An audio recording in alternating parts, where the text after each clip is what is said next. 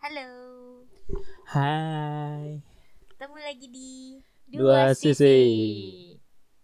Lalu Terus mau ngomongin apa? kita udah episode berapa sih?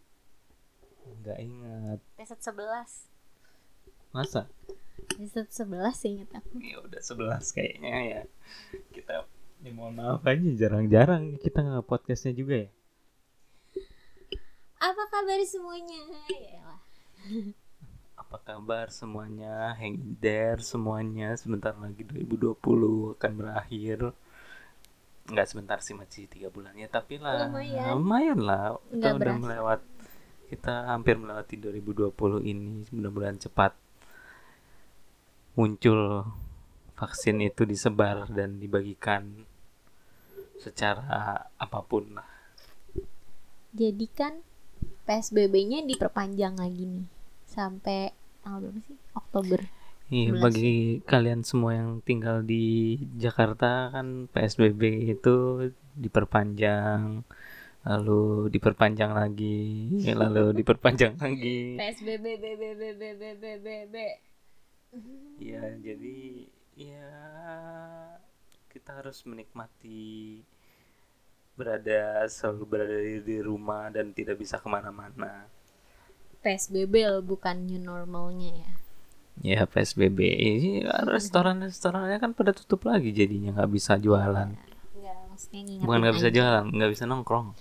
Iya nggak maksudnya ngingetin aja yang buat yang suka nongkrong janganlah gitu.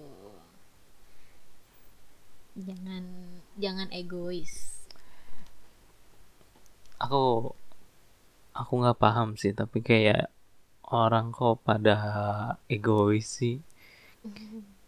Bahkan kayak aku tuh bingung deh dengar berita ada yang udah kena corona ter apa terdeteksi positif, terus dia malah dengan semena-menanya malah mau menyebarkan dan aku nggak paham lagi itu orang yang kayak gitu gimana cara berpikirnya sih Itu apa namanya? Mereka lebih ke frustrasi kali ya jatuhnya.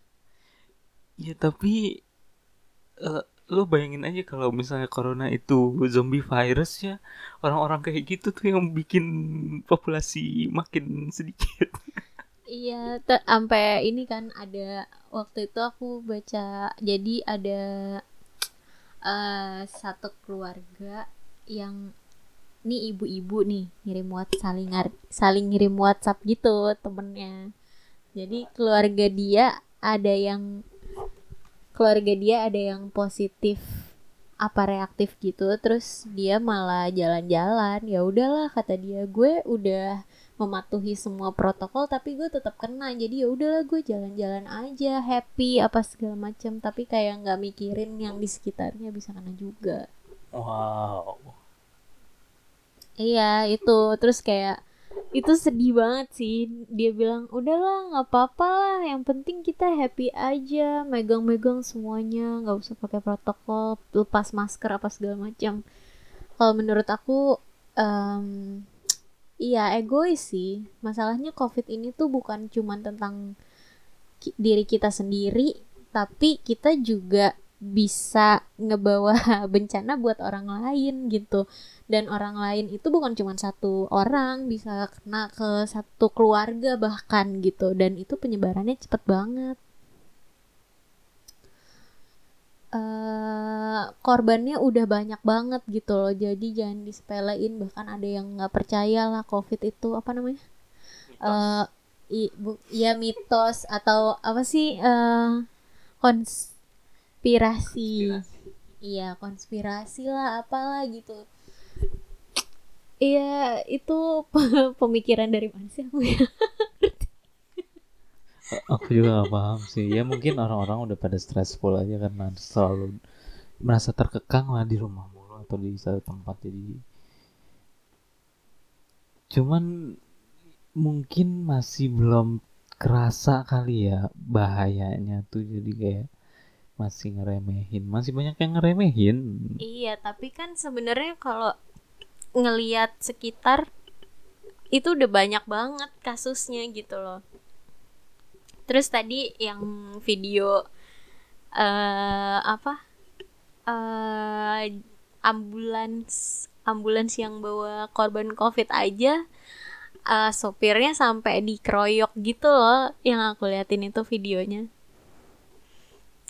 apa dikeroyok terus ambulansnya dipecahin. Cuman gara-gara kayak mereka nggak mau apa namanya nggak mau ngikutin protokol yang ada gitu. Mereka tetap mau ngelanjutin eh, ya nggak pakai protokol ini covid eh, ininya dimakaminnya. Tapi yang jelas padahal jelas-jelas itu swabnya tuh positif gitu.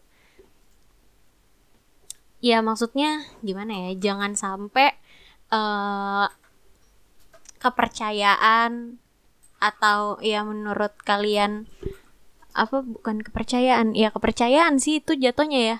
Kepercayaan budaya atau apa pun lah eh, itu sampai eh, makan korban gitu. Iya mung- mungkin itu wajib kewajiban tapi kewajiban yang sebenarnya harus kita lakuin sekarang itu adalah eh, apa namanya menjauhkan wabah-wabah itu gitu. Memperkecil eh, apa penyebaran gitu. Itu tuh lebih krusial. Jadi eh, apa namanya eh, hal yang lebih krusial itu adalah hal yang lebih wajib dilakukan dibandingin eh ya itu tadi ritual dan sebagainya. Ya mungkin ada di agama tapi kalau menurut aku semua agama mengajarkan kebaikan dan pastinya apa namanya mikirin set- mikirin kebaikan setiap umatnya lah gitulah ya ya nggak ada sih agama yang mengajarkan saling membunuh. eh, bukan saling membunuh apa namanya ya? Merugikan satu sama lain gitu loh maksudnya. Eh, mengorbankan diri tapi mengorbankan orang lain gitu.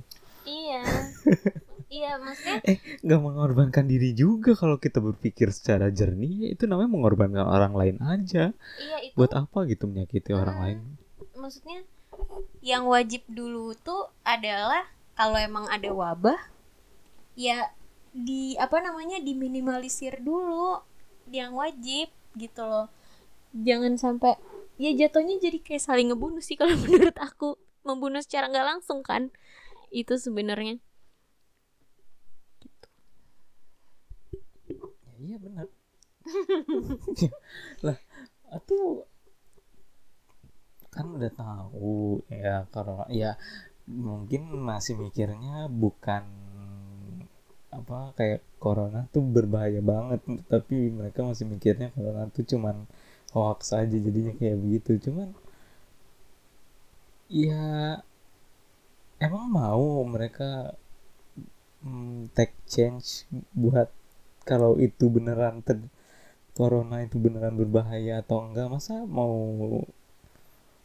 di apa istilahnya coba-coba kayak eh yaudah coba dulu aja di eh, sholatin gitu mayatnya gitu-gitu terus taunya malah nyebar. Tapi kalau masalah disolatin sebenarnya eh, jenazah yang covid itu udah disolatin sama ini apa? Terus masalahnya apa? Sama yang ngurus jenazahnya apa namanya yang yang di rumah sakitnya.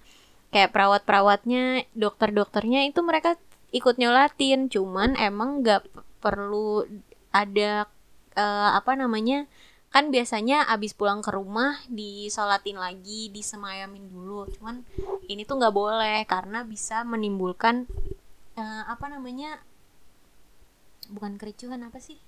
Ya orang ngumpul gitu. Itu kan nggak boleh. Yang nggak boleh tuh karena orang ngumpul gitu oh jadi permasalahannya itu orang ngumpul. Orang ngumpul. Terus habis itu kan kita nggak tahu eh, virus itu datangnya dari mana. Bisa aja eh ya walaupun dari kalau misalnya orang udah meninggal virusnya juga mati. Cuman kan kita nggak tahu keluarganya korban juga OTG atau apa pun gitu. Jadi kan kita meminimalisir hal itu kan. Penyebarannya gitu. Ya banyak yang dirugiin kalau misalnya itu gitu. Ya berhati hati-hati aja lah pokoknya. Jadi kalau misalnya emang eh taat aturan aja sih kalau menurut aku. Eh, nggak ini kok nggak nggak buruk kok. Dan kita bisa menyelamatkan banyak nyawa gitu loh. Dan itu juga pasti di agama dibolehkan. Iya gak sih? Itu juga pasti ada pahalanya lah ya kan? Jadi jangan takut. Ya sekarang survive dulu lah maksudnya mikirin hajat hidup orang banyak. Ya mikirin mikirin kan udah dikasih tahu ya di mana mana juga. Namanya corona itu segampang itu nyebarnya dan kita juga bahkan bahkan kan banyak orang yang emang tidak ada gejalanya dan ternyata membawa virus corona itu.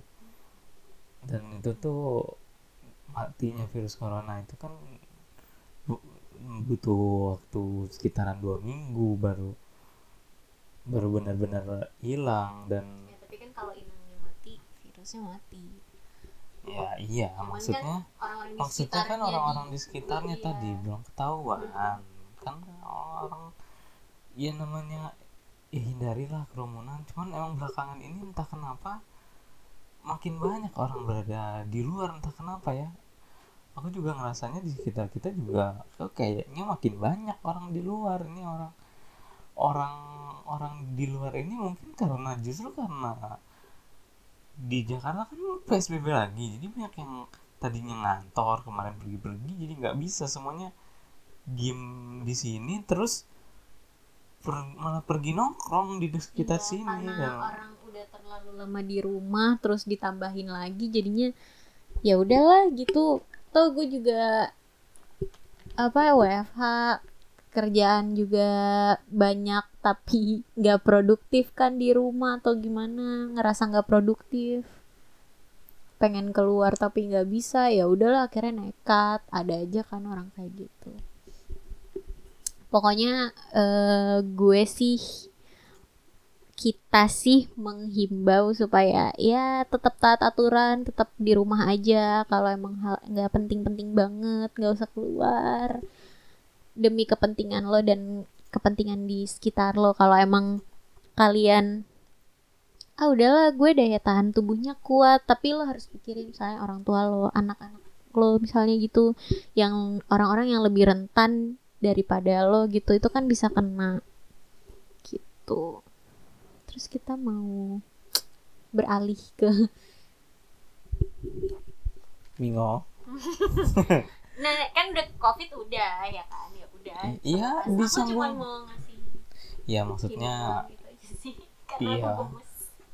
Ya kamu gemes cuman kan orang juga dengarnya itu itu aja capek sih ya iya nggak sih? makanya mau penyegaran. Ya kalau ngomongin covid lucunya ya kemarin tuh ada video ini. Video yang apa yang Mbak Najwa. Itu lucu banget semua sarkas habis gue gak paham lagi bisa bisanya Video dia bikin pacaran. itu. Cuman tapi itu relate sih menurut aku. cuman bagus banget sih konsepnya kenapa dibikin kayak gitu. Karena ya gimana uh, beliau yang dicari-cari juga susah mau dimintain datang jadi narasumber. Soalnya ya mungkin uh, mungkin ya emang emang dia nggak dianjurkan buat jadi narasumber. Soalnya kebanyakan begitu ada di berita ya kutipan-kutipannya dia tuh selalu kontroversial gitu loh. Kayak itu nggak tahu dari medianya atau emang orangnya yang menyampaikan seperti itu. Cuman ya kebanyakan aneh gak make sense dan Iya, kayak kayak ya kayak waktu pertama masuk ada corona aja dia ngomongnya kayak Indonesia nggak bisa kena corona lu kayak apa gue nggak paham lagi Iya, iya sih. Masalah ada menyepelekan kayak gitu-gitu kan. Padahal dia uh, beliau adalah sosok yang sebenarnya uh, kita tunggu-tunggu nih apa sih sebenarnya yang bisa diperbuat, apa yang bisa dilakukan untuk mm, menghadapi covid ini kan beliau yang tahu sebenarnya kan karena beliau yang benar-benar relate sama eh, kasus covid, kasus covid ini gitu. Gimana penanggulangannya gimana keputusannya mereka dia tuh beliau tuh bener-bener the most wanted person gitu loh tapi tiba-tiba menghilang. Mungkin ada iya tapi mungkin ada apa ya ada pemikiran yang lain sih kali mungkin beliau takut salah ngomong ya kan? Iya, berhati-hati sekali cuman eh, dalam kondisi yang sedang sangat apa? di satu sisi masyarakat ini tambah kritis butuh jawaban. Bingung juga mau lari ke siapa karena udah mulai frustrated tadi kan tuh.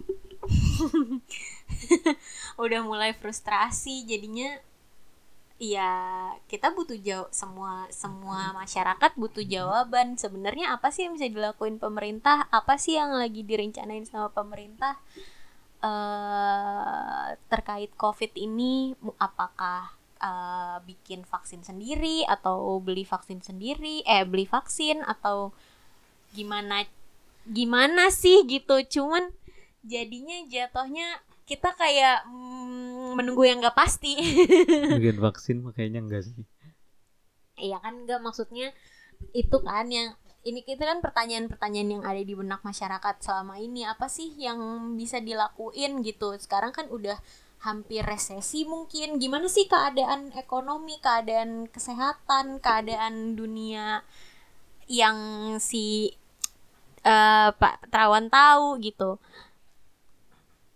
Nggak usah Eh. disebut ah, kamu mah Iya tapi kan di Najwa Shihab aja disebutin menunggu Bapak Menteri itu ya kan. apa-apa aku nggak mau aku nggak mau nyebutin nama orang-orang pemerintahan aja soalnya kayak ya gimana lagi kendor banget keadaannya Iya, tapi mungkin eh, itu sih mungkin ada beberapa eh, alasan lah kenapa beliau nggak muncul.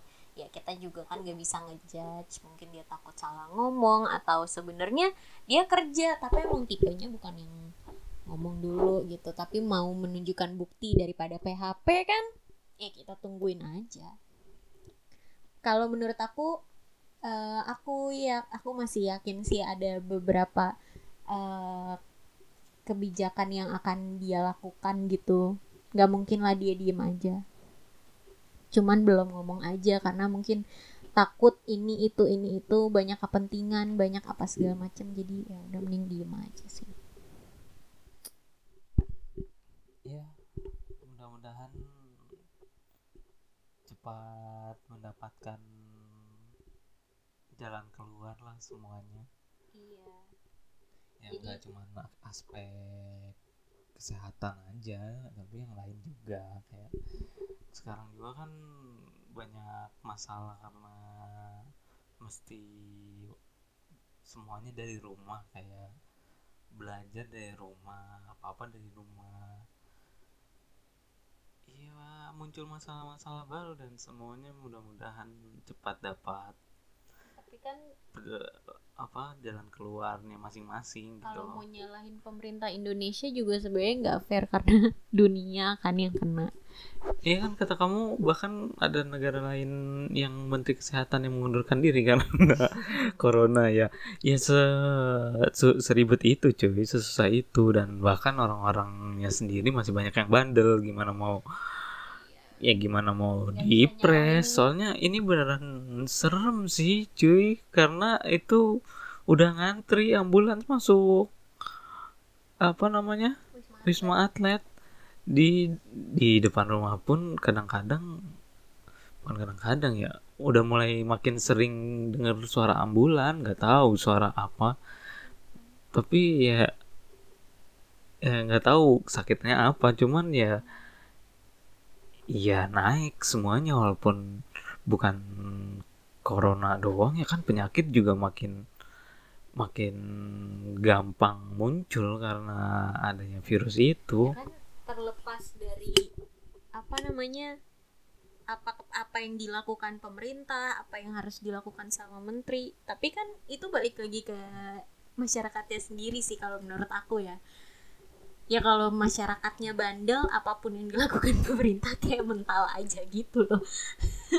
Ini kan juga kita psbb Ya, udah upaya pemerintah untuk mengurangi penyebaran si covid tapi kita yang tetap bandel ya. Tetap tinggi lah penyebarannya. Jadi menurut aku nggak bisa semena-mena juga nyalahin satu pihak sih. Ya menunggu boleh tapi jangan langsung menyalahkan menuduh dan sebagainya sih kita tetap berkaca sama diri kita sendiri juga udah disiplin belum gitu Ya. ya kan Ya. Ya. Jadi di rumah terus gimana semuanya kalian? Berada selalu berada di rumah. Terus aku lagi tadi lagi ngeliat ini eh apa? Pemilu pemilu Amerika. Emang lagi pemilu ya?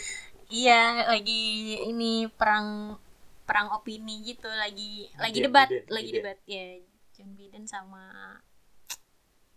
Trump. Jadi pilih yang mana ya walaupun nggak impact langsung ke Indonesia.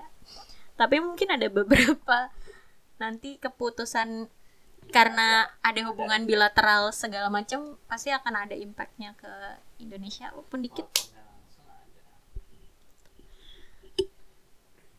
Ah tapi aku lihat debatnya lucu sih kayak masih kayak anak kecil yang satu bilang eh lo nggak usah ngomong pinter deh nilai lo kan paling rendah di kelas gitu tadi aku lihat. Terus kayak iya. terus kayak wah Amerika di bawah kepemimpinan lo tuh parah banget apa segala macam ya we'll see lah ya. Kalau ngomongin pemerintahan ya guys, jujur aja nih ya, unek-unek nih ya. Kalau mau mau kayak negara Amerika pun mereka tuh menurut menurut gue emang lagi kekurangan orang bagus di politik. Jadi jadi ya mau milih siapa aja nanti yang naik ya seadanya cuy sama aja kayak di sini lu mau kemarin milih A milih B yang naik tuh ya sisa-sisa orang yang mau masuk ke pemerintahan aja karena nggak ada nggak ada nggak ada emang nggak ada orang yang kompeten aja menurut aku gitu loh Hmm. kayak kayak kalau kenapa si menteri ini kayak gini kenapa si menteri itu kayak gini? Ya karena karena lo mau nggak jadi menteri itu? Enggak kan? Karena nggak ada orang ya orang itu yang terpilih jadinya gitu loh. Dan busuknya lagi cuy.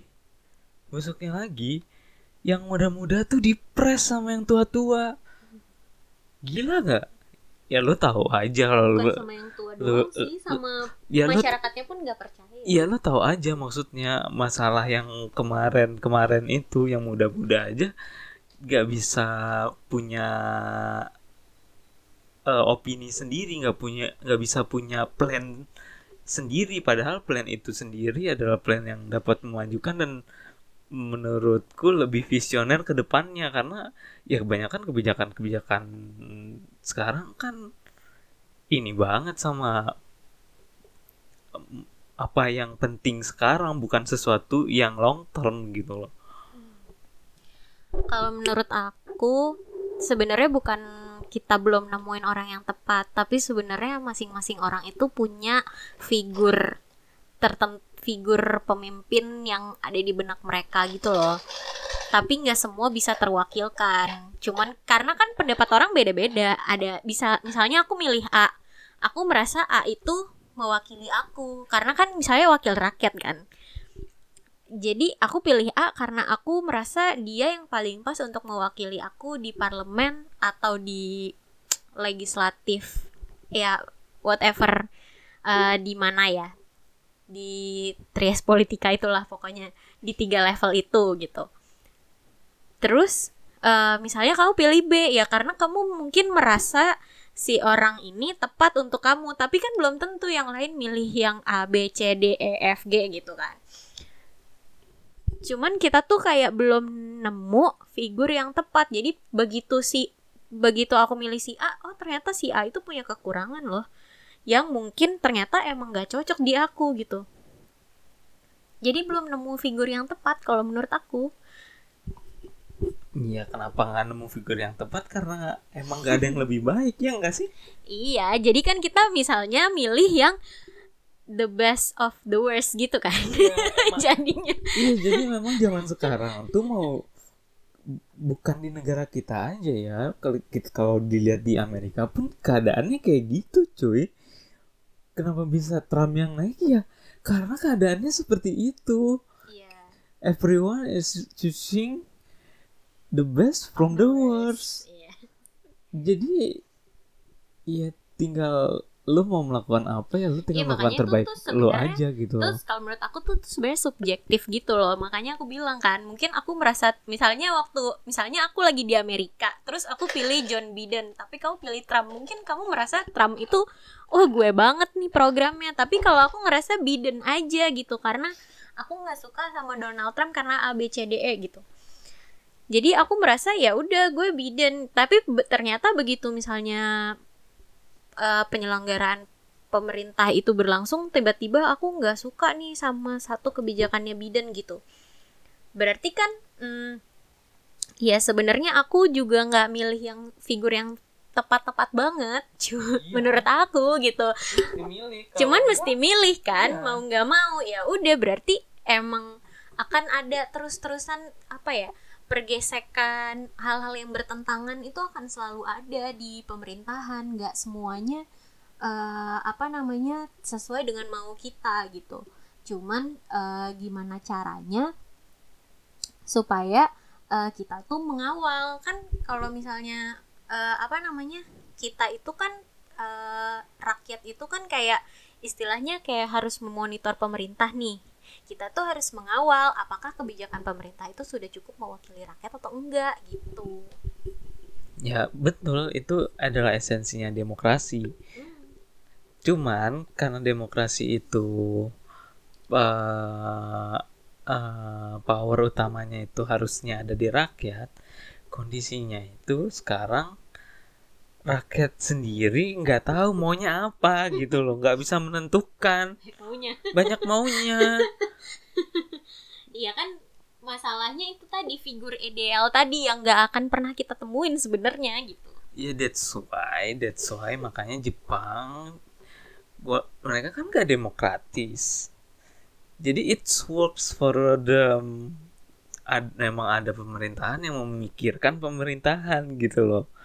Jadi rakyat itu tinggal menikmati buah hasil pemikiran pemerintahannya aja. ya kalau emang nggak cocok The ya problem is kalau misalnya pemerintahannya bobrok, ya bobrok negaranya gitu.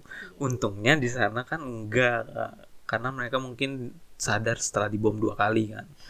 Ya, kalau di kita ya you know. sebenarnya bobrok sama enggaknya juga indikatornya macam-macam sih. Kalau menurut masyarakat oh bobrok nih sekarang soalnya banyak yang berantem. Tapi berantem berantem beda pendapat itu kita lihat lagi sumbernya dari mana. Banyak yang gak setuju nih sama keputusan eh, keputusan pemerintah tapi ada juga yang setuju segelintir pihak gitu. Kita kan kalau nggak demokrasi, nggak ada demokratis, berarti ya udah mereka berantem di sana dan rakyat nggak perlu tahu gitu loh. Hmm, iya Nah masalahnya kalau demokratis, dapurnya kelihatan dapurnya kelihatan sama rakyat dan harusnya harusnya kelihatan sama rakyat dan wala- kan. walaupun disembunyi-sembunyikan juga ujung-ujungnya makanya jadi kayak ada Gap. ada ya mistrust ya makanya waktu zaman Gus Dur bilang nggak ada gunanya itu Eh, sebenarnya ada ada gunanya kalau benar-benar dipakai sebagai penyalur penyambung Iya, lidah. iya demokrasi itu sangat berguna ketika menurutku ketika rakyatnya sudah bisa berpikir maju Serius banget obrolan kita. Iya maksudnya bosen kan? Tadi ngomongin corona mulu orang juga bosen dengerin corona, corona dibilangin mau ini itu ya mau gimana gitu loh. Cuman iya aku belakangan ini capek dengan orang komplain sama pemerintahan tuh karena ya mau gimana cuy? Kita gak kita nggak punya sur- surplus orang politik yang bagus dan kemarin muncul orang-orang politik yang bagus di pressure enggak mungkin ada buat beberapa pihak enggak buat kita mungkin ya ya tadi kan Ya, figur ya ideal mungkin beberapa. masing-masing. ya mungkin buat beberapa pihak ada cuman karena kita ini Indonesia bercampur banyak suku dan segala macam kebutuhan itu jadi nggak nggak nggak ketemu Ah, susah gitu loh ini sih, Nah, kenapa aku bilang belum ketemu figur yang Ideal. ideal? Karena belum bisa seperti itu orang-orangnya. terus banyak Masih mem- masih masih sangat eh tertuju ke be- beberapa pihak doang, nggak demanding juga nggak nggak nggak ini ke seluruh pihak. Eh, sama ini sih eh, kan lagi covid terus demanding gitu loh. Jadi kayak harusnya gini harusnya kalau lihat dari negara luar tuh harusnya gini harusnya gini gitu. Jadinya nyari keadaan yang ideal juga gitu. Padahal mungkin yang diterapin di Cina atau diterapin di Jerman belum tentu cocok sama di keadaan di Indonesia. Ya iya. gitu. Ya iya betul sekali, betul sekali Anda. Nah, yang jadi masalahnya lagi nih ya, ini ILC orang versi tuh orang podcast. tuh hobi banget kopas anjir. kok apa sih Lah, Kok kok jadi jadi cuma nih mereka, mereka misalnya nih taruhlah nih mereka cuma studi banding terus bukan bener-bener menstudi apa yang terjadi di sana dan Iya. dibandingin sama apa yang di ada di kita itu namanya studi banding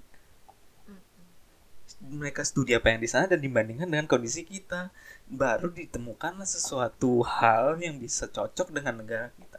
Masalahnya ma- masalah kebanyakan cuman cuman kopas doang. Ini di sana nih bagus nih kayak gini. Langsung aja carangin di kita kayak gini. Lah lu pikirin dulu cuy. Ini guna guna nggak buat kita gitu loh. Butuh nggak kita? Apa yang krusial buat kita? Menurutku yang sekarang krusial banget itu pendidikan. Karena men orang di internet tuh ya nggak mikir semua oh Ya, nggak semua. difilter oh, oh ya maaf ya lo semua gue juga nggak pernah mikir kalau ngomong gitu Enggak semua, ada Ya, enggak. beberapa orang. mayoritas orang-orang Enggak mayoritas juga. mayoritas ya aku ngerasanya jujur aku ngerasanya Ya, mayoritas kalau kamu kalau kamu bilang mayoritas, kamu tuh harus eh Riset- riset dulu, datanya, ya, riset dulu. Angkanya, persentasenya. beberapa orang yang aku lihat gitu ya. Beberapa orang yang aku lihat itu bener-bener darurat edukasi cuy. Maksudnya mereka ngomong tuh tanpa dipikirin dulu. Kemarin ada bocah nge- ngegambar from scratch cuy. Itu anime Masih. from scratch cuy. Dibilang ngejiplak dibilang gampang dan itu harus memenuhi copyright. Wow. Watermark gimana juga. itu cara berpikirnya cuy? Terus ada yang bilang ngejiplak langsung pakai kertas karbon. itu ada cara menggambarnya ada garis mukanya. Lo kalau main ke Gramet itu ada buku yang buat belajar gambar dan caranya kayak gitu. Masa lo mau bilangin orang masa lo mau bilangin orang yang bikin buku itu juga menyalahi copyright? Kan enggak. Iya toh itu tuh mengajarkan seni aja. Iya. kalau kalau gue belajar desain baju terus gue nambahin desain kupu-kupu emang gue ngejiplak punya orang yang pernah nge- ngebikin desain kupu-kupu? Ya enggak. Beda sama plek-plekan yang ngejiplak sampai bentuk kupu-kupunya konturnya sama juga. Ya beda nggak bisa disamain beda yang berusaha dari awal sama yang bener-bener kopas doang tuh beda. Ini tuh mulai mulai ngeblur gitu loh karena menurut aku pendi- pendidikan nggak cuman di kita doang di seluruh dunia tuh udah kurang. Oke sorry guys tadi ada gangguan teknis sebentar. Loh jadi kita skip ah tadi sampai yang ngomongin ngomongin ngejiplak kayak yang ada bocah dibilang plagiat padahal ya kan itu sebenarnya bukan plagiat juga karena dia belajar dan mengerjakan from scratch ya walaupun ngeliat contoh. Cuman ya namanya belajar kan yang lihat contoh dulu cuy. Nggak beda bisa dibedain sama ngejiplak gitu kamu mau ngomong? Enggak. Enggak ya Mbak, ya emang gimana ya? Kalau masalah ngejiplak ngejiplak gitu ya sebenarnya mm, nggak usah nuduh-nuduh orang gitulah. Maksudnya itu kan kalau ngelihat dari gambar si anak itu tuh emang bener-bener iya gambar biasa. Cuma emang eh, dia ngegambar dari iya dari nol. Tapi eh, apa namanya emang nyontoh. Tapi kalau menurut aku nggak apa-apa kan lagian juga dia juga masih belajar gitu loh. Jadi nggak usah anak kelas 5 SD terus dibebanin dengan segala macam copyright dan sebagainya gitu. Ya tadi kan lagi ngomongin apa ya pemer- pemerintahan ya terus nyambung ke bocah ngejiplak ya, ya ngomongin ya menurutku emang krusial banget sih pendidikan di kita tuh. Cara berpikir sih bukan masalah lulus apa enggaknya. Soalnya ya banyak aja yang lulus dan skripsinya ngejiplak eh? Ya gimana ya? Sebenarnya eh iya hakikat pendidikan. Ya sebenarnya hakikat pendidikan itu kan pendidikan itu dikatakan berhasil ya kalau udah bisa apa eh menanamkan cara ber- berpikir yang baik terus habis itu bisa dituangin ke kehidupan sehari-hari perlakuannya kayak gitu. Lagian banyak juga orang pinter yang apa namanya eh, salah jalan kayak yang mutilasi itu. Gila bridging aku bagus banget Gila, ya. mulai mulai jago nih bridgingnya iya sumpah anjir itu maksudnya apa? Di di sini cuy di Kalibata. Itu bukan di sini di Muntila eh bener ya? Di mutilasi bukan di sini. Mutilasinya enggak. Jadi se yang aku baca ya eh, jadi dia ngelakuin Iya, dia mutilasinya di tempat lain tapi eh, dibawa pakai koper gitu. Makanya kan ditemuinnya di koper ya. Jadi dia dia nyimpen si potongan tubuhnya itu karena dia lagi nyari tempat buat makamin potongan tubuh itu gitu. Dan beberapa juga udah dia makamin deh. Eh yang aku baca. Jadi kayak ngebunuhnya dan ngeeksekusinya bukan di bukan di Kalibata gitu cuman ya itulah itu itu lack of education lagi. Sebenarnya ngelakuin juga bukan orang yang bego-bego amat gitu kan.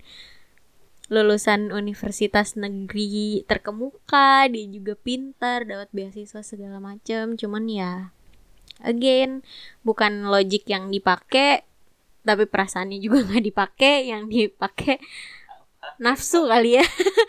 Nafsu dan mungkin udah ya bisikan setan apa segala macem aku juga nggak ngerti itu bener-bener kayak bukan manusia lagi.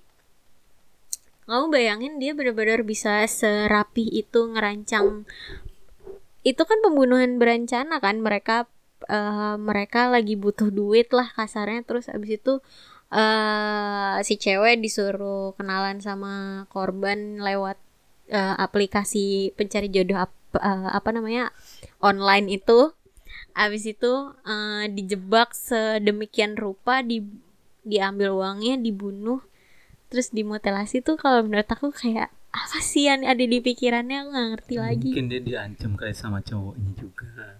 Iya makanya, ya itu dia. Makanya kan eh ya lack ed- of edukasi kalau misalnya dia kalau misalnya dia eh pinter dia pakai logikanya mana mungkin sih mau disuruh eh sama si cowok itu apa namanya terus kayak misalnya dipaksa-paksa buat berbuat kayak gitu mendingan kabur sih kalau menurut aku. Tuh yang si cowok juga nggak punya duit kan kasarnya gitu.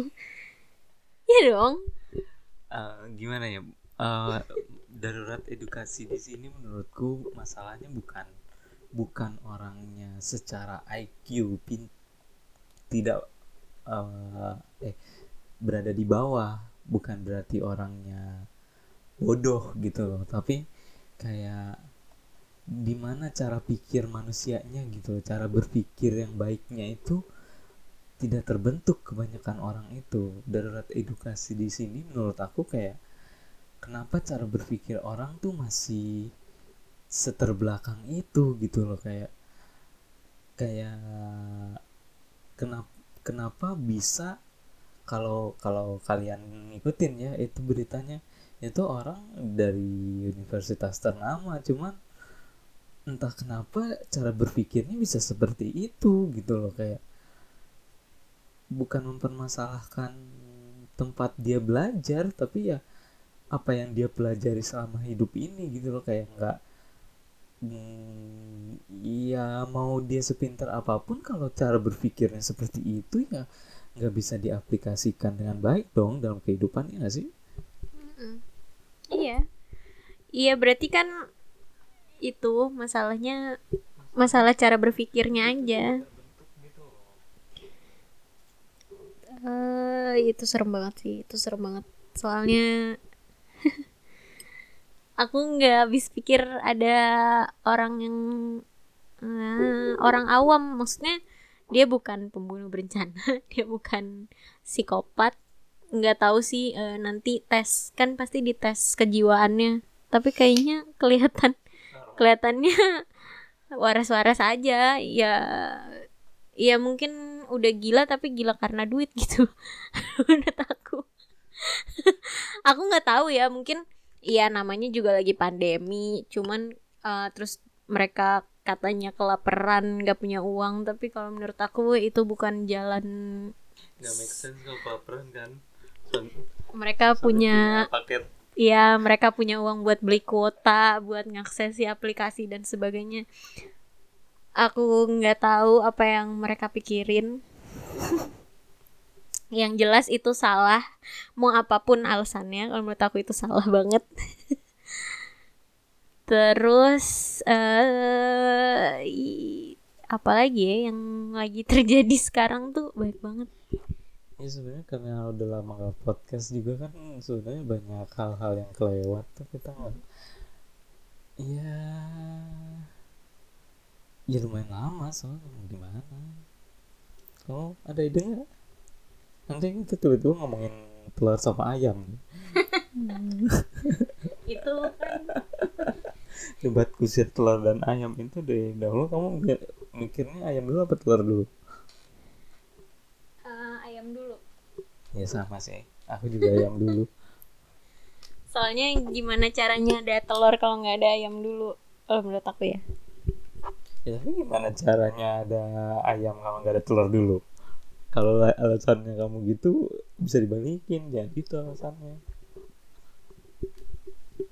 Iya, tapi nggak mungkin banget tiba-tiba ada telur. Emang telurnya tumbuh dari bibit apa gitu kan nggak mungkin dong. Hmm. Iya nggak mungkin. Ih, bingungnya ngomong apa ya? Eh tapi sekarang kayaknya Korean Wave lagi ini banget ya di di kita apa di seluruh dunia justru kayak Nggak Makin- tapi di Indo lagi naik sih kayaknya. Terus soalnya kan kayak kayak lagi pandemi gini orang lagi nyariin hiburan. Terus kalau di Netflix tuh kalau kamu cari tuh banyak banget eh, drakor-drakor, belum lagi OTT lain. OTT itu apa? over the top. Ya pokoknya aplikasi buat bahasanya yang Iya. aplikasi buat nonton film buat ngakses film. Itu kan banyak banget kan Korea. Eh, dramanya oke oke terus aku baru sedikit sih pengetahuan aku soal drakor gila cetek banget. Aku baru selesaiin reply 1988 20 episode aja capek itu aja satu bulan lebih kayaknya aku ngikutin itu. Tapi itu keren sih itu keren. Uh, banyak masalah yang dibahas bukan cuma soal percintaan ada ekonomi keluarga dan sebagainya gitu-gitu. Keren keren keren. Aku entah kenapa rada susah sih ngikutin series-series begitu soalnya kayak pasti nonton pertamanya dulu kalau pertamanya ngantuk udah tuh berat ngikutinnya. Jadi butuh effort cuman kalau misalnya udah jalan satu dua episode biasanya bisa sampai lama. Tapi nggak nonton yang Korea juga nontonnya yang Inggris kalau series begitu ya katanya sih bagus cuman belum berniat untuk berenang ke sana aku aku belum lagi lagi nyari yang bagus. Kayaknya mau nonton apa tuh? Uh, yang baru. Tapi aku aku tuh tipe yang kalau ada series gitu aku nungguin seriesnya episodenya abis dulu baru aku nonton semua. Soalnya aku orangnya kepoan. Jadi misalnya kalau misalnya aku nunggu aku bener-bener ngikutin minggu per minggu tuh kayak penasaran. Aku nggak suka dibuat penasaran jadi jadi aku harus nunggu episodenya sampai selesai dulu. Iya jadi aku, aku tuh rencana mau nonton Record of Youth. Ya Record of Youth? Nah yang main kan Park Bogum tuh. Aku cuma tahu oh sama Park Sodam yang ada di uh, apa tuh namanya? Uh, Parasite. Uh, yang cewek tuh yang main yang yang ada di Parasite nah mm -mm, yang cewek. yang cewek. Iya pokoknya yang cewek. Kan ada cowok ada cewek. Nah dia uh, apa namanya tapi aku lihat episodenya tuh masih running gitu. Itu tuh terakhirnya uh, Oktober tanggal 20-an sekian gitu. Jadi aku harus nungguin episodenya berakhir dulu baru aku mau nonton. Aku nggak mau nungguin. Masih ongoing soalnya. ya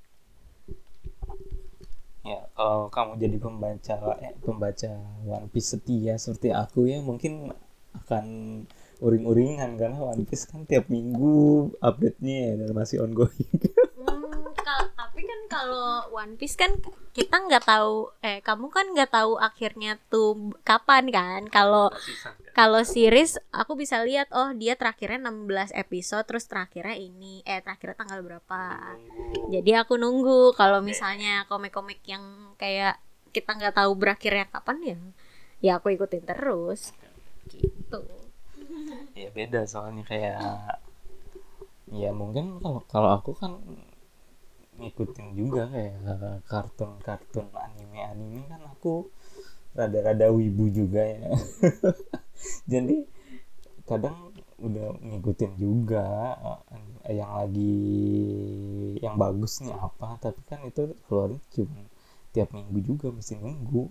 Kalau aku masih sanggup ngikutin yang kayak gitu.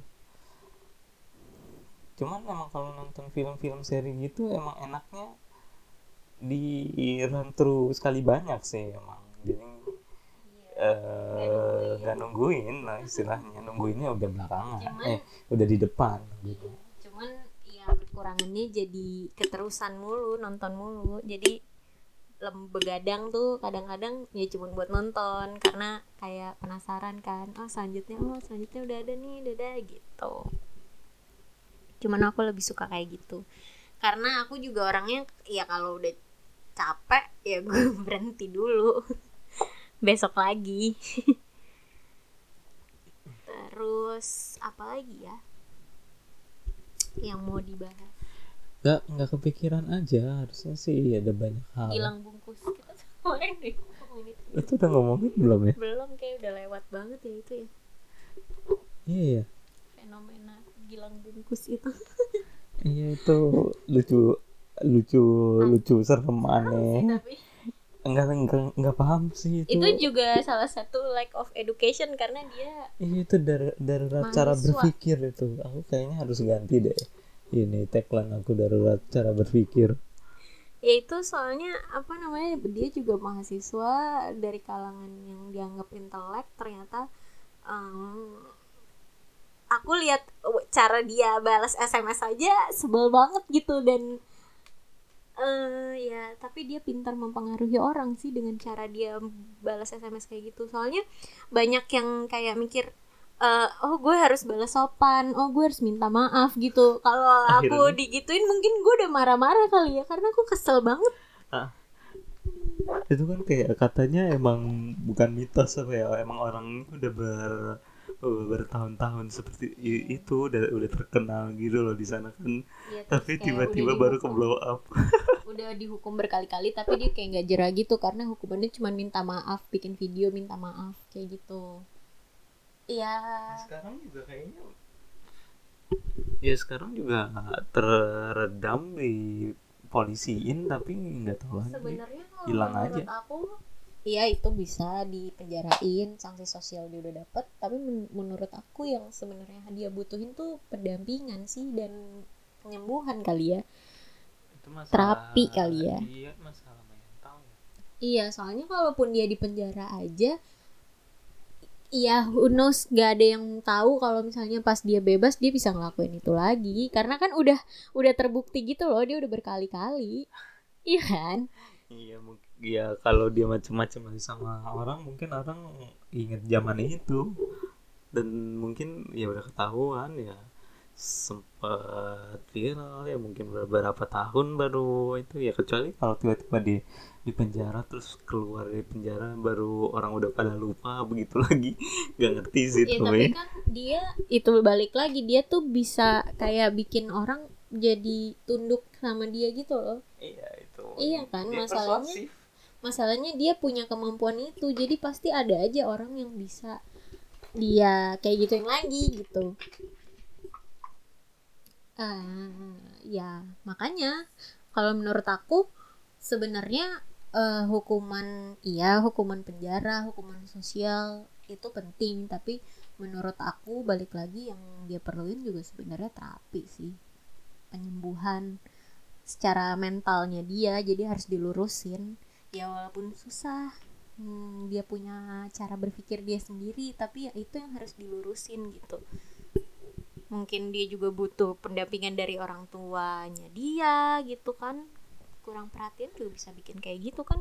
Iya, kalau dari SMS kalau dari WhatsAppnya dibaca dia kayak kurang perhatian gitu. Iya mungkin masalahnya juga jadi orang tuanya kan kita juga nggak tahu orang tuanya gimana ngedidik dia. Soalnya kayak kayak masalah-masalah masalah-masalah seperti itu ya.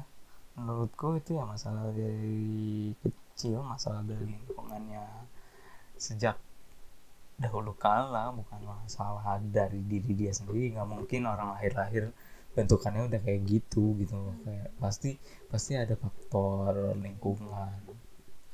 Iya. Jadi uh, ya sebenarnya kalau misalnya individu suatu individu gitu uh, dia kalau lahir uh, kan dipengaruhinya dua diri sendiri sama lingkungan.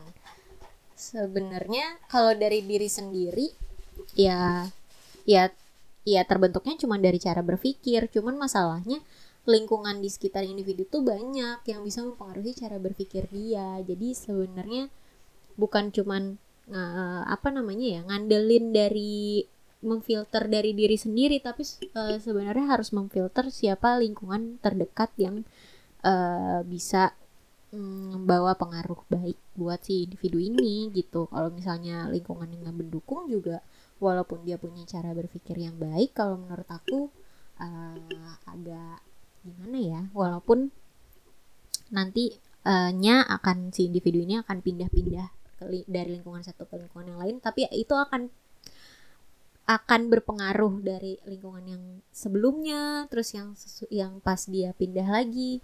Kalau menurut aku lingkungan itu juga akan membentuk cara berpikir. Jadi harus benar-benar pilih lingkungan yang baik juga. Dan lingkungan pertama tuh sebenarnya kan keluarga kan.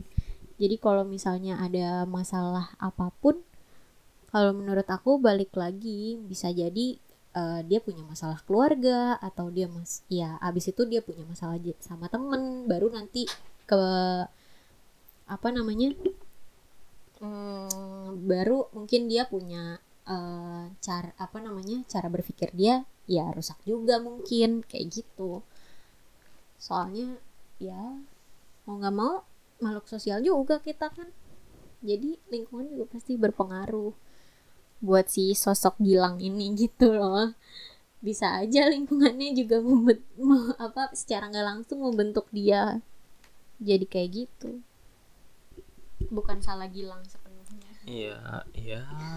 Iya kenapa dia bisa beberapa tahun uh, berjalan terus-terusan tanpa diketahui kan? Karena orang-orang juga nggak ada yang berani buat mempermasalah bukan berani mempermasalahkan ya. Orang-orang nggak ada yang memperbesarkan hal itu gitu loh kayak mungkin ada yang mau berbicara cuman mereka kayak ah udahlah gitu kayak bukan masalah gue lagi gitu nggak usah gue berhubungan kayak gitu gitu cuman iya ternyata ada pada akhirnya pun ada orang yang gregetan dan akhirnya jadi viral gitu. Ya tapi kalau menurut aku bagusnya orang itu memviralkan kan jadinya si si Gilang bisa apa namanya bisa dapat uh, harusnya bisa dapat penanganan yang yang tepat gitu bisa bisa dapat lingkungan yang lebih baik juga kali. Ya orang-orang di sekitarnya aja kayak udah bodo amat gitu kan di kampusnya. Oh iya tahu tapi udahlah biarin aja urusan dia gitu. Ya itu juga darurat cara berpikir sih menurutku ganti ya sekarang di cara cara berpikir. Maksudnya maksudnya uh, walaupun orang ber melakukan kriminal melakukan kejahatan kayak melakukan pelecehan kayak Gilang melakukan pelecehan yang orang motong-motong eh orang motong-motong apa sih istilahnya? Mutilasi mutilasi begitu. Kita nggak pernah tahu cuy apa yang terjadi sama mereka. Dan lo nggak bi nggak bisa dengan semena-mena langsung berkata jahat sama mereka. Bukan menjadi pelarian lo untuk melepaskan amarah gitu loh dan kalau kalian Islam pun agama kalian mengajarkan itu nggak sih? Nggak nggak harus kalian marah-marah untuk untuk menyampaikan. Ini semua agama sih. Nggak mungkin mengajarkan untuk memarahi orang-orang. Orang tuh menyampaikan dan menjelaskan dan mengajarkan kebaikan dan bukan memaksakan sesuatu dan memarahi sesuatu gitu cuman entah kenapa sekarang tuh udah ngeblur aja orang nggak bisa ngebedain yang namanya ngomelin marahin dan menjelaskan. Kadang yang menyampaikan nggak bisa menyampaikan dengan baik dan yang menerima nggak bisa juga menerima dengan baik gitu nggak nggak santuy gitu loh. Entah kenapa entah kenapa aku bingung orang terutama orang-orang di internet ya. Kayak itu tuh ajang pelampiasan amarah orang-orang gitu loh. Iya. kalau di kalau kalau kita ketemu sama orang yang langsung paling ya kayak halo pak senyum senyum aja kita pasti. Entah kenapa gitu loh orang di internet tuh kayak alter ego. Iya jadi alter ego jadi pelampiasan. Padahal kayak kita kan berinteraksi sosial di internet dan kalau ketemu orang penting di internet tuh pasti tetap kelakuan baiknya yang keluar. Kalau nggak kenal aja jadi bisa sejahat jahatnya gitu loh. Iya mungkin karena orang kan ngerasa ini ada media sosial media nih terus dia ngerasa dia ngefollow si sosial si satu akun ini terus dia ngerasa oh gue jadi deket nih sama dia karena gue ngeliat postingan dia tiap hari iya kan? Jadi iya itu itu sempit banget sih. Maksudnya uh, jadi ngerasa kenal jadinya kayak uh, punya hak untuk uh, ngomong apa tentang si orang ini. Padahal yang kelihatan di sosial media itu kan belum tentu yang terlihat sebenarnya gitu kan. Ya itu tadi alter ego tadi. Uh, tapi itu tuh bertolak belakang sama yang mau aku highlight. Karena uh, ada orang yang merasa dekat sama artis. Tapi ya justru dia merasa jauh sama orang yang tidak dikenal. Misalnya random user si Fulan gitu namanya. Kamu ketemu si Fulan terus si Fulan diajak ngomong misalnya diem aja gitu. Terus kamu langsung ngata-ngatain si Fulan. Kan banyak orang yang kayak gitu. Malah malah menjadikan eh menjadikan anonimitas kamu itu keberadaan kamu yang tidak langsung di depan si Fulan itu menjadikan diri kamu orang yang jahat. Itu aku nggak bisa paham sama hal-hal seperti itu. Kenapa di internet orang-orang bisa sejahat itu cara bicaranya? kan nggak tatap muka. Apalah apalah. Tatap muka gitu loh. Jadi kayak oh dia paling juga nggak baca loh komen gue eh lah cuma dilewat-lewatin doang paling gitu. Jadi ya nggak ketemu juga nggak kenal ya udahlah gitu. Jadinya malah apa namanya ya kita kenal tapi sebatas sosial media doang gitu kan dia pasti mikirnya. Terus kayak nggak nggak ketemu ya udah paling juga dia cuman baca-baca. Dia nggak nyadar kalau eh, yang dia anggap cuma baca-baca itu bisa ngerusak mental seseorang itu gitu. loh. Iya, kalau nggak dipikir. Ya itu makanya. Darurat cara berpikir memang orang nggak zaman dipikir orang sekarang tuh. Panjangnya seperti apa dampaknya ya, gitu jadinya. Tahu-tahu dia ketemu si Fulan besoknya ternyata itu bosnya di kantor kan? Nah kan enak itu rasanya. Maksudnya hati-hati aja. Maksudnya jangan jangan jangan anggap yang namanya internet itu bukan eh yang namanya dunia maya itu bukan dunia sebenarnya. Di balik dunia maya itu ada orang sebenar-benarnya yang hidup Iya, gitu loh. bukan cuma fake account doang isinya iya bukan bot eh sama ini apa yang kemarin rame? Eh itu mos apa? Oh iya online. Iya iya ospek ya Allah. Ya ospek online itu. Itu juga darurat cara berpikir lagi karena menurut aku itu kan ada di dunia kampus ya. Ya itu tadi kan mahasiswa dianggap sebagai orang yang intelek lah gitu punya ilmu. Tapi kok ya bisa gitu kayak eh pas aku baca itu tuh aku lihat peraturannya. Jadi peraturan yang diupload di sosial media itu sebelumnya sebelum hari H itu. Jadi dia bilang ah boleh. Boleh pakai ikat pinggang tapi boleh dan nggak boleh sebenarnya. Boleh dan nggak boleh. Jadi kalaupun ada yang nggak pakai ikat pinggang juga nggak apa-apa. Tapi kok ini pas nggak pakai ikat pinggang diteriakin ya. Terus Boleh dan nggak boleh itu gimana sih? Iya boleh atau tidak boleh. Jadi sebenarnya ya bis Yang bebas. Beb- boleh? bebas. Mau pakai boleh mau enggak boleh. Jadi nggak wajib sebenarnya pakai ikat pinggang itu. Enggak, tulisannya tuh boleh dan tidak Aku boleh. Lupa iya pokoknya nggak wajib. Nggak wajib pakai ikat pinggang intinya. Iya terus habis itu tiba-tiba marahinnya kayak gitu. Terus eh, dengan dengan dalih eh, apa eh, untuk nguatin Nguatin mental, mental. nguatin mental adik kelasnya. Apalagi kan ini lagi pandemi kak gitu. Tapi maksud aku banyak cara lain untuk eh, menguatkan mental seseorang gitu loh. Nggak cuman dimarah-marahin cuman gara-gara nggak pakai ikat pinggang yang sebenarnya juga nggak wajib lo pakai gitu. Kan bisa aja pakai cara lain ospek apa kek ngenalin oh ini ada pakai video. Simple deh kayak video yang orang-orang yang TikTok. Enggak, video-video yang kayak oh ini dia apa namanya sulit karena pandemi, kita bisa melakukan apa untuk dia gitu. Bisa bisa kayak gitu kan. Enggak harus Iya, itu kan uni, eh, itu fakultas pendidikan loh maksud aku.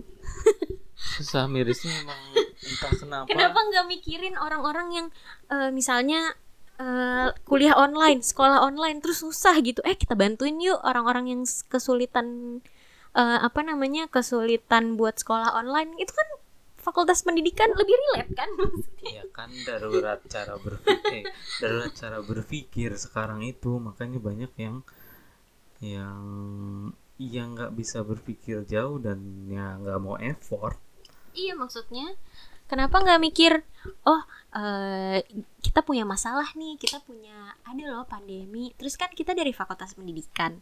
Gimana caranya supaya menyampaikan pendidikan hmm, pas apa namanya pas saat pandemi kayak gini kan kita lagi online kelas kan tapi banyak orang di luar sana yang susah online kelas coba dipikirin gimana caranya. Dia kan the next guru in the future kan sebenarnya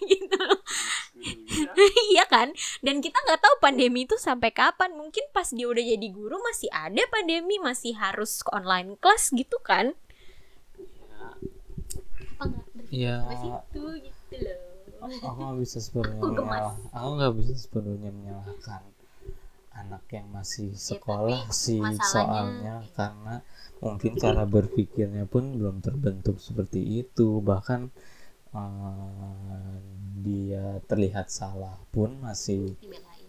masih ini masih membela diri nggak masih ngeles ngeles masih Iya masalahnya juga nggak ada lingkungan yang mendorong dia untuk berpikir lebih jauh kayak gitu kali ya. Ya mungkin ya belum. A- ya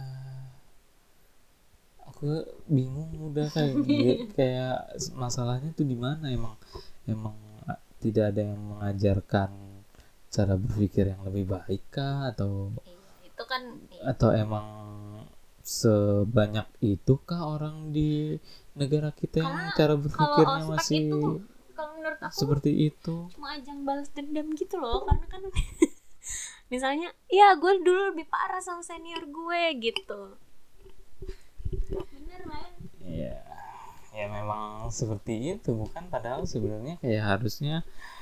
namanya masa orientasi kan? Jadi ya menyesuaikan dengan keadaan lingkungan aja dan nggak berarti kan harusnya kayak cuman ngejelasin keadaan kampus gimana terus kenalan sama kakak kelasnya ya. Itu tuh nggak cuman kuliah doang kan? Sampai anak anak SMP ya? SMP pertama kali aku ospek SMP itu itu tuh kayak harusnya sekolah gak sih yang ngurusin itu? Malah jadi murid-muridnya iya osisnya yang jadi dilimpahkan sepenuhnya ke osisnya juga kayak kayak nggak ada nggak ada pe apa sih namanya istilahnya? Pengawasan. Pengawasan. Dari sekolahnya masing-masing anyway gitu loh kayak nggak bisa gua dari sudut pandang yang gua dapet nggak bisa sepenuhnya nyalahin anak-anak itu juga karena karena dibebasin. karena bebasin ya tahu anak-anak yang belum terbentuk dengan baik cara berpikirnya dibebasin untuk mengambil keputusan sama Tapi- nggak nggak istilahnya nggak dimonitor lah gitu Hmm. istilahnya Iya tapi nggak semua maksudnya nggak semua pihak sekolah atau kampus membiarkan itu sih soalnya aku juga pernah jadi eh, panitia ospek dan diawasin juga jadi dulu eh, los berarti iya los heeh. Jadi ada yang dulu apa namanya eh, namanya kontemplasi. Kontemplasi itu kayak marah-marah sebelum maaf-maafan gitu. Tapi itu kakak kelas yang bertugas marah-marah itu sebenarnya kita lagi deg-degan gitu. Eh, karena di di di luar itu kita diawasin sama dekan bener-bener. Di di di luar tuh ada dekan kita yang udah ya udah ya udah ya. Jadi cuman dikasih kesempatan 15 menit kayak udah ya udah. Ngapain sih? Gitu. Jadi ya sebenarnya Kalaupun- gitu. ya kalaupun ada kalaupun apa namanya eh, ah- harus ada kegiatan marah-marah itu tadi ya emang harus ada yang ngawasin sih. Dan yang harus yang ngawasin ya pihak yang bertanggung jawab itu. Ya, ya kampus ya tapi banyak sebenarnya pilihan lain. Ya, nggak berarti nggak harus. iya. Dan dan bagian itu juga los ya di mungkin saat bisa itu. jadi pihak kampusnya coba Iya maksudku yang nggak tahu juga kondisi kampusnya kayak apa. Mungkin orangnya orangnya sudah mungkin pengawasan bagi kampusnya. Juga kan sudah kampus lelah atau gimana atau luas. ya kan iya kayak kayak kayak ya menurutku yang paling salah adalah mencari orang untuk disalahkan sih.